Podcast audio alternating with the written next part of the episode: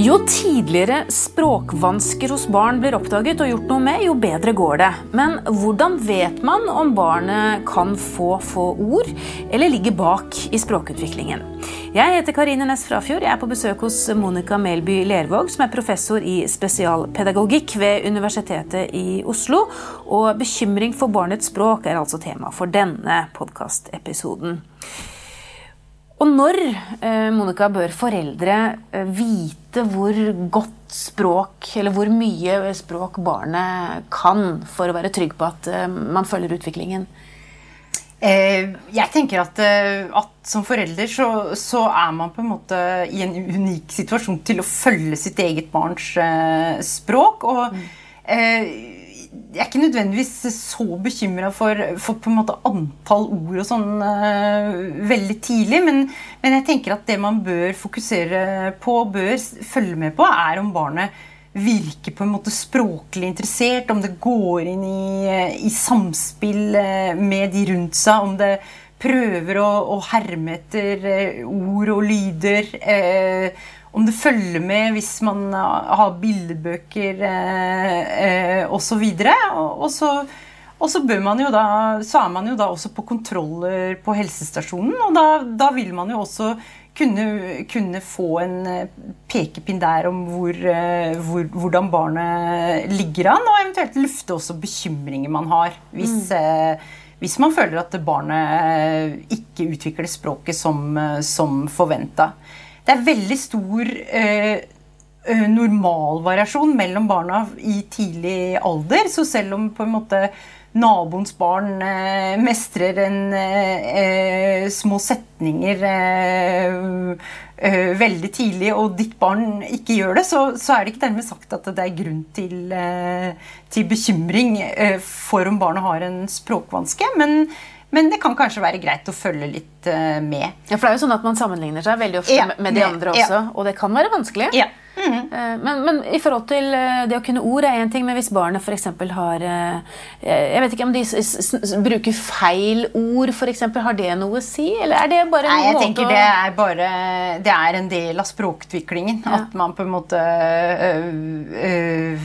ja, barnet prøver ut. Noen ganger så treffer det meningen, andre ganger ikke helt. Så det, det tenker jeg ikke er så, er så uh, viktig. Men det jeg tenker er viktig, er hvis du vet at uh, noen i familien eh, har hatt vansker knytta til språk, enten da har strevd med språk strevd med språk på skolen, eh, kanskje har, strevd med lesing, eh, kanskje har litt lite ordforråd eh, osv., så, videre, så er det ekstra grunn til å være oppmerksom. Fordi man vet at uh, språkvansker i stor grad er arvelig. Mm. Hvis en av foreldrene har en språkvanske eller lesevanske, så, så vil vil eh, sannsynligheten for å arve det være rundt, eh, for barnet være rundt 60 og, og det er så mange, for Alle har jo på en måte hørt om dysleksi, men det finnes jo så mange andre forskjellige mm. språkvansker også som man kanskje aldri har hørt om. Ja, eh, det, det i, i, grove trekk så, så, har jo, så, har vi dysleksi. sånn at noen kan da ha en type dysleksi som på en måte er eh, ganske sånn ren dysleksi, som vi kaller det. Altså at det på en måte primært sett rammer evnen til å, å eh, lære seg sammenhengen mellom lyd og, og bokstav. Men veldig mange som har dysleksi, har også en underliggende språkvanske. Altså at de egentlig har strevd med, med språk helt fra, fra tidlig eh, barnealder av. Uten at det, det da blir oppdaga før det utvikler seg som en stor lesevanske i skolen. Men Er det mulig å oppdage sånt tidligere? For det er det vi alle ønsker. Og det er jo det forskning også viser, at jo tidligere, jo bedre. Eh, ja, det er, eh, det er eh, mulig å, å oppdage det, men, eh, men eh, jeg tror nok ikke det nødvendigvis eh, er lett for foreldre å oppdage det tidlig. Ofte så man vil, noen, I noen tilfeller, i de mest alvorlige tilfellene, så vil kanskje barnehagen kunne oppdage det og henvise barnet til PP-tjenesten for en, en grundigere utredning. Og da vil pedagogisk-psykologisk tjeneste da, oppdage det fordi at de har tilgang på veldig sånn finmaska kartleggingsverktøy som man kan bruke for å, å kartlegge det. Men jeg tror eh, ikke man skal som foreldre ha skyldfølelse hvis barnet hvis det her ikke blir oppdaga før i skolealder, fordi at eh, det her er komplisert og, og, og, og, på en måte bare se med Ved å på en måte vurdere barnet. Og, og det er heller ikke mange barnehager som på en måte er trent i og vet hva, hva, hvordan de skal vurdere det her. Så jeg tenker at det aller viktigste foreldre kan gjøre, eh, er å være oppmerksom på om det er folk i familien som har språk- eller, eh, eller lesevansker. Fordi det vet vi er en veldig stor risikofaktor for at barnet da skal arve de samme type vanskene. Men hvis man er da blant den 60% som har det, ja. Eh, og man har små barn under skolealder, ja. hva, hva, gjør man da? Hvordan forholder man seg til det? Da ville jeg ha, ha sagt ifra det til, eh, til helsestasjonen og også kanskje barnehagen. Og så ville jeg da hvis jeg ser at øh, det er noe da som gjør at jeg fa øh, fatter bekymring for, mitt, øh, for språket hos barnet mitt, så ville jeg da ha bedt om en henvisning til PP-tjenesten. En vurdering av pedagogisk-psykologisk tjeneste.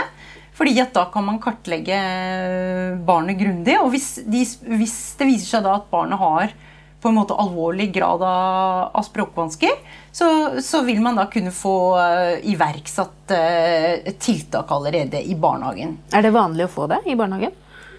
Jeg vil si at, uh, som, at de aller fleste barn som har språkvansker, blir dessverre ikke diagnostisert før de går eh, i skolen, fordi at det viser seg da som en lesevanske. Mm.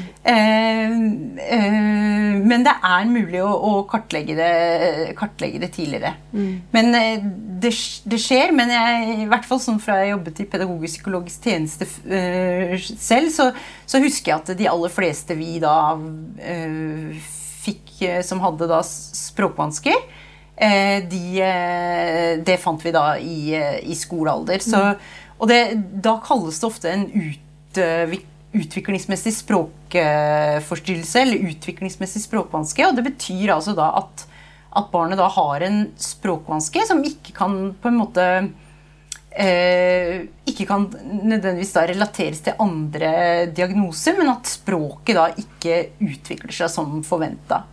Og de barna har da ofte de har et redusert ordforråd, de strever med grammatikk. Eh, og de, veldig mange av de vil streve da med lesing i skolen.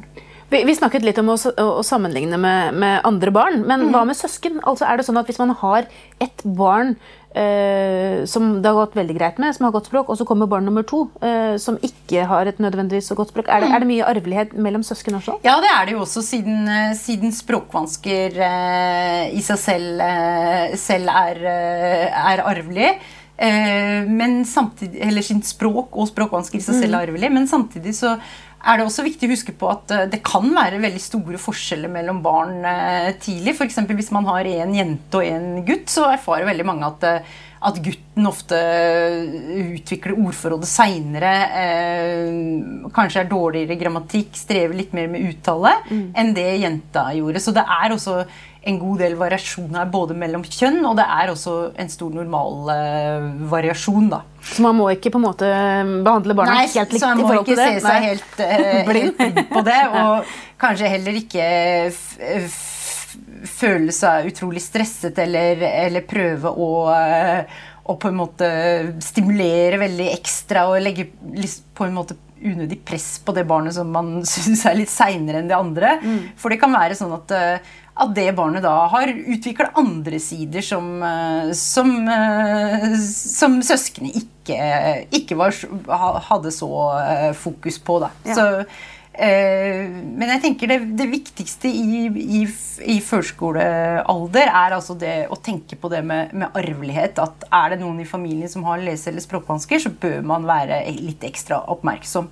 Mm. Eh, og så bør man selvsagt følge med på språkutviklingen også hvis man vet at det ikke er det. Men, men, eh, men eh, hvis man bare følger med på det med, med arv, så har man i hvert fall da Eh, da, hvis, hvis, flere hadde gjort det, så tror jeg man hadde kunnet på en måte oppdage flere barn tidlig også. Mm. For vi har ikke mulighet eh, eh, til å på en måte kartlegge alle barn eh, med så grundig språkverktøy som vi trenger da, for å på en måte sile ut de som har vansker tidlig. Så det er, eh, der blir det en stor del opp til foreldrene og, og barnehagen. da. Mm. Mm. Vi skal ta en liten pause nå og snakke mer om når det er grunn til bekymring for barnets språk straks. Ja, jeg er altså hos Monica Melby Lervåg, professor i spesialpedagogikk ved Universitetet i Oslo. og Vi snakker om eh, språkutvikling og når man eh, må begynne å bekymre seg, eller kan begynne å bekymre seg. Og Du har snakket mye om arvelighet, eh, Monica, men dette med språk Jeg tenker at eh, det kan jo eh, være andre bakenforliggende årsaker også. Jeg tenker i forhold til dette med hørsel, i forhold til mm. talefeil. Hvilke andre ting er det man som forelder bør være litt oppmerksom på mm. eh, når, når barnet kanskje ikke helt følger følger eh, mm. det man forventer. Mm. Der er du inne på noe veldig viktig, eh, som er det med hørsel. Så hvis man vet at barnet har hatt f.eks. mange mellomørebetennelser, hatt væske i mellomøret, så viser forskning da at da er det grunn til å være eh, litt ekstra oppmerksom. fordi at da, da kan man på en måte ha hatt nedsatt hørsel i perioder, som har gjort at man har gått glipp av da enten da ord eller, eh, eller grammatikalske ferdigheter, men, eller, eller, også at man strever med lydene i språket. Så, så det er en ting man bør da være oppmerksom på. Så Hvis man hører at barnet har litt unaturlige lyder, kan det skje? Det har vært ganske mye forskning som har sett på det med uttalevansker. Fordi eh, mange, mange mm, lett på en måte blir fokusert på det, fordi at uh, uttale Det er på en måte det vi hører, og det som, uh, som på en måte kan si oss uh, eller gi en indikasjon på, på kvaliteten på, på språket. Da. Så mange er opptatt av det. Men, og der viser vel egentlig forskningen at i noen tilfeller så kan særlig store språklydsvansker, altså at barna har veldig mange da er det ikke snakk om at det bare sier én eller to lyder feil, eller ikke kan si R, eller sånne type ting. Men hvis barna har veldig mange språklydsfeil, så kan det være en tegn på en underliggende språkvanske. Mm. Så uh, En stund så sa man ofte at det har ingen betydning, og det vil vokse det av seg. Men det, det er ikke helt riktig heller. sånn at hvis barna har mange språklydsfeil, så kan det være grunn til å be om en grundigere utredning eh, fra, PP, fra pedagogisk psykologisk tjeneste. Er det andre ting som kan ligge under? Jeg tenker på lettere utviklingshemminger? eller er det andre Ja, det er jo sånn at Vi vet jo i tidlig alder, kanskje under fireårsalder, så er det jo en del ganske alvorlige utviklingsforstyrrelser som vil da komme til uttrykk gjennom på en måte språk språkforstyrrelser eller språkforsinkelser. Da snakker vi jo om, eh, om eh, store utviklingsforstyrrelser, sånn som utviklingshemming. Eh, da vil man veldig ofte se både språklydsvansker og, og at barnet har på en måte få, færre ord enn jevnaldrende. Ikke bruker setninger på samme måte, strever med grammatikk osv. Eh, en generell sånn språkforsinkelse, hvis vi kan kalle det det. Eh, det samme vil man også se innenfor en del uh, vansker innenfor autismespekteret. Så, så, det er på en måte også sånn at, at, at tidlig så, så vil, bør, man da, bør man da følge med på de tingene. Men jeg tenker at da, Hvis man skal ha, ha, grunn til stor bekymring når det gjelder sånne type problematikk, så bør man heller ikke bare se på språk, men de, de type mer omfattende utviklingsforstyrrelsene de vil også ofte være ledsaga av kanskje motoriske vansker. Eh, det vil være vansker knytta til sosial interaksjon, samspill. Eh, sånn at her er det på en måte viktig å, å skille hvor avgrensa er på en måte det man er bekymra for når det gjelder barnet, er det bare knytta til, til, at barnet kanskje kan litt færre ord enn eh, andre på samme alder? Mm. Eller er det også at barnet da var seinere til å gå, har dårligere motorikk, eh, kanskje sosialt sett ikke fungerer eh, på samme måte? Så, og desto, desto, på en måte mer generell bekymringen er, desto større grunn er det tenker jeg, til å på en måte ta kontakt med, med helsestasjonen og til å, å, å, snakke med barnehagen, be om henvisning til pedagogisk psykologisk tjeneste. Hvor, hvor mye hjelp er det mulig å få? Altså, hvis man har et problem, da, et språklig problem, er det mulig å, å, få såpass god hjelp at barnet likevel vil klare seg like godt som andre?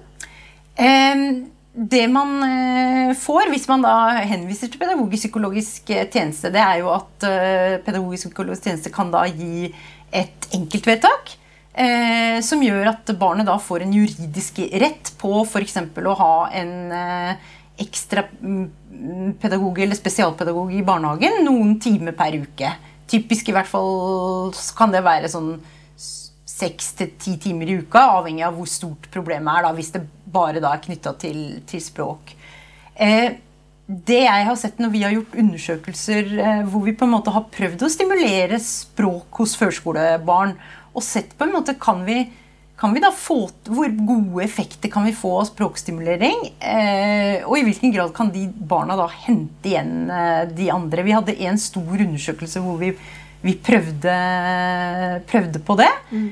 Og det vi da så, er at eh, vi kan gi barna et sånt boost eh, med en gang etter tiltaket vårt er ferdig, som gjør at vi løfter de, og at de på en måte forbedrer språket sitt, får bedre ordforråd osv. Men vi kan ikke på en måte gjøre at problemene forsvinner. For typisk så når vi tar bort tiltaket, så vil barna da være i det samme miljøet og med den samme genetikken sin. sånn at da vil, vil det på en måte ofte gå tilbake igjen. Så så det å ha en lærevanske, enten det er knyttet til språk eller lesing eller, eller, andre ting, det betyr også veldig ofte vedvarende innsats. Sånn at, eh, at det, skal veldig mye til at man kan gi et tiltak som gjør at et barn blir kvitt vansken en gang for alle. Man må da hele tiden på en måte friske opp tiltaket, hele tiden holde, holde på en måte den ekstra hjelpen ved like for at det her skal kunne ha vedvarende effekt, og for at barnet da skal kunne fungere, øh, fungere godt i, i, skole eller, eh, eller barnehage. Så, eh, så, må man nok hele tiden på en måte ha, ha vedvarende innsats, da. Også fra, fra foreldrene, hører jeg, for her må man egentlig stå på? Ja, eh, jeg tenker jo Det, det blir jo også, også en, en, en på en måte avveining hvordan, hva man tenker rundt det her. Da. Hvordan, hvordan på en måte Om man skal fokusere det her rundt skole- og barnehagetiden, i hvilken grad på en måte foreldre skal, skal jobbe med mer eh, Jeg tenker at det foreldre kan gjøre hjemme, er jo sånne ting som å lese for barnet. Prøve å passe på å bruke et eh, så rikt språk som mulig. Forklare nye ord det er sånne ting man kan gjøre også hvis man har, en, har et barn med en, en språkvanske. Eh, men jeg tenker at man bør jo grundig vurdere om det på en måte er hensiktsmessig at foreldrene skal ha en slags språktrening for barnet hjemme. Da. Jeg tenker jo at, at en del av det her bør, bør da skje innenfor rammen av skole og barnehage, og at foreldre i, i sånne type tilfeller også har på en måte andre, andre funksjoner som er veldig viktige. Da. Mm. Sånn at øh, Ja. Men har du inntrykk av at de som har krav på hjelp, får god hjelp? Eh, nei, det har jeg ikke inntrykk av. nei, Det har jeg ikke, siden du spør. Så mm. det, er, det, er, ikke bare noe som er en uh, personlig anekdote fra meg, men det er det også forskning som viser, eller undersøkelser som viser. Blant annet uh, Barneombudet hadde en rapport hvor de da gikk gjennom kvaliteten på, på, spesialundervisning. Og den rapporten viste at eh, veldig mange elever som hadde vansker, de ble oppdaga for seint, og de mm. fikk ikke den hjelpa de skulle ha. Og hjelpen eh, ble ofte gitt av assistenter. Den var ikke da gitt av personer med god fagkompetanse. Eh, og det kan selvfølgelig være utrolig Det må være utrolig frustrerende for foreldre, og kanskje gjøre at foreldre da føler et større ansvar for den for det å gi barna hjelp eh, selv hjemme. Da. Men, men, det her er egentlig noe som da primært er skole og barnehages eh, ansvar. Sånn at eh, kan man, kan man kreve, da, hvis man, hvis man får en assistent, enten i barnehagen eller senere i skolen til barnet sitt, kan man kreve å få et menneske med med, med, riktig bakgrunn og utdannelse til å, til det å hjelpe man, sitt barn? fordi at enkeltvedtaket er et juridisk eh, dokument. Sånn at, eh, og i det enkeltvedtaket som man får da fra pedagogisk-psykologisk tjeneste, så står det noe om hvem som skal gi hjelpen eh, til barna. Og da vil det ofte, eh, ofte stå noe sånn som at eh, barnet eh, barnets spesialundervisning skal gis av en, en spesialpedagog eller en med tilsvarende kompetanse. Men at barna har hjelp til assistent for å fungere i eh, kanskje sosiale situasjoner eller eh, eller andre ting, men altså ikke som en, en del av opplæringen. Da. Mm. Og hvis man ser at barnet da bare får assistent, så kan man klage til, eh, til eh, fylkeskommunen og, og, og, klage på at barnet da ikke får den opplæringen som, som det har krav på. Helt eksakt hvordan de prosedyrene i den klage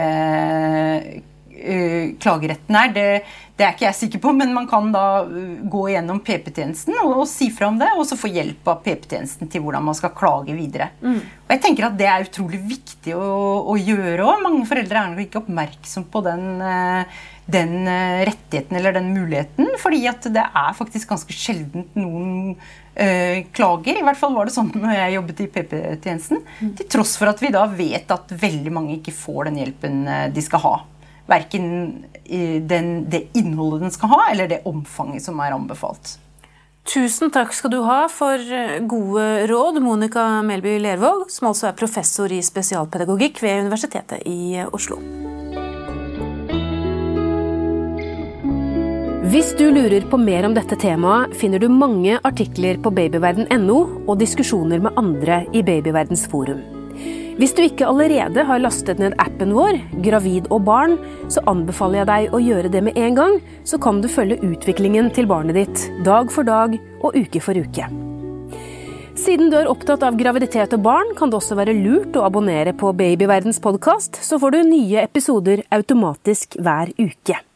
Det er også vi som lager podkastserien Gravid uke for uke. Den bør du også få med deg hvis du har barn i magen. Har du kommentarer eller et tema du ønsker at vi skal belyse, så kan du sende en e-post til podkast at babyverden.no. Men husk at vi som lager denne podkasten er journalister og ikke helsepersonell. Så hvis du har medisinske spørsmål, må du ta kontakt med jordmor eller fastlegen din. Ha det godt til vi høres igjen.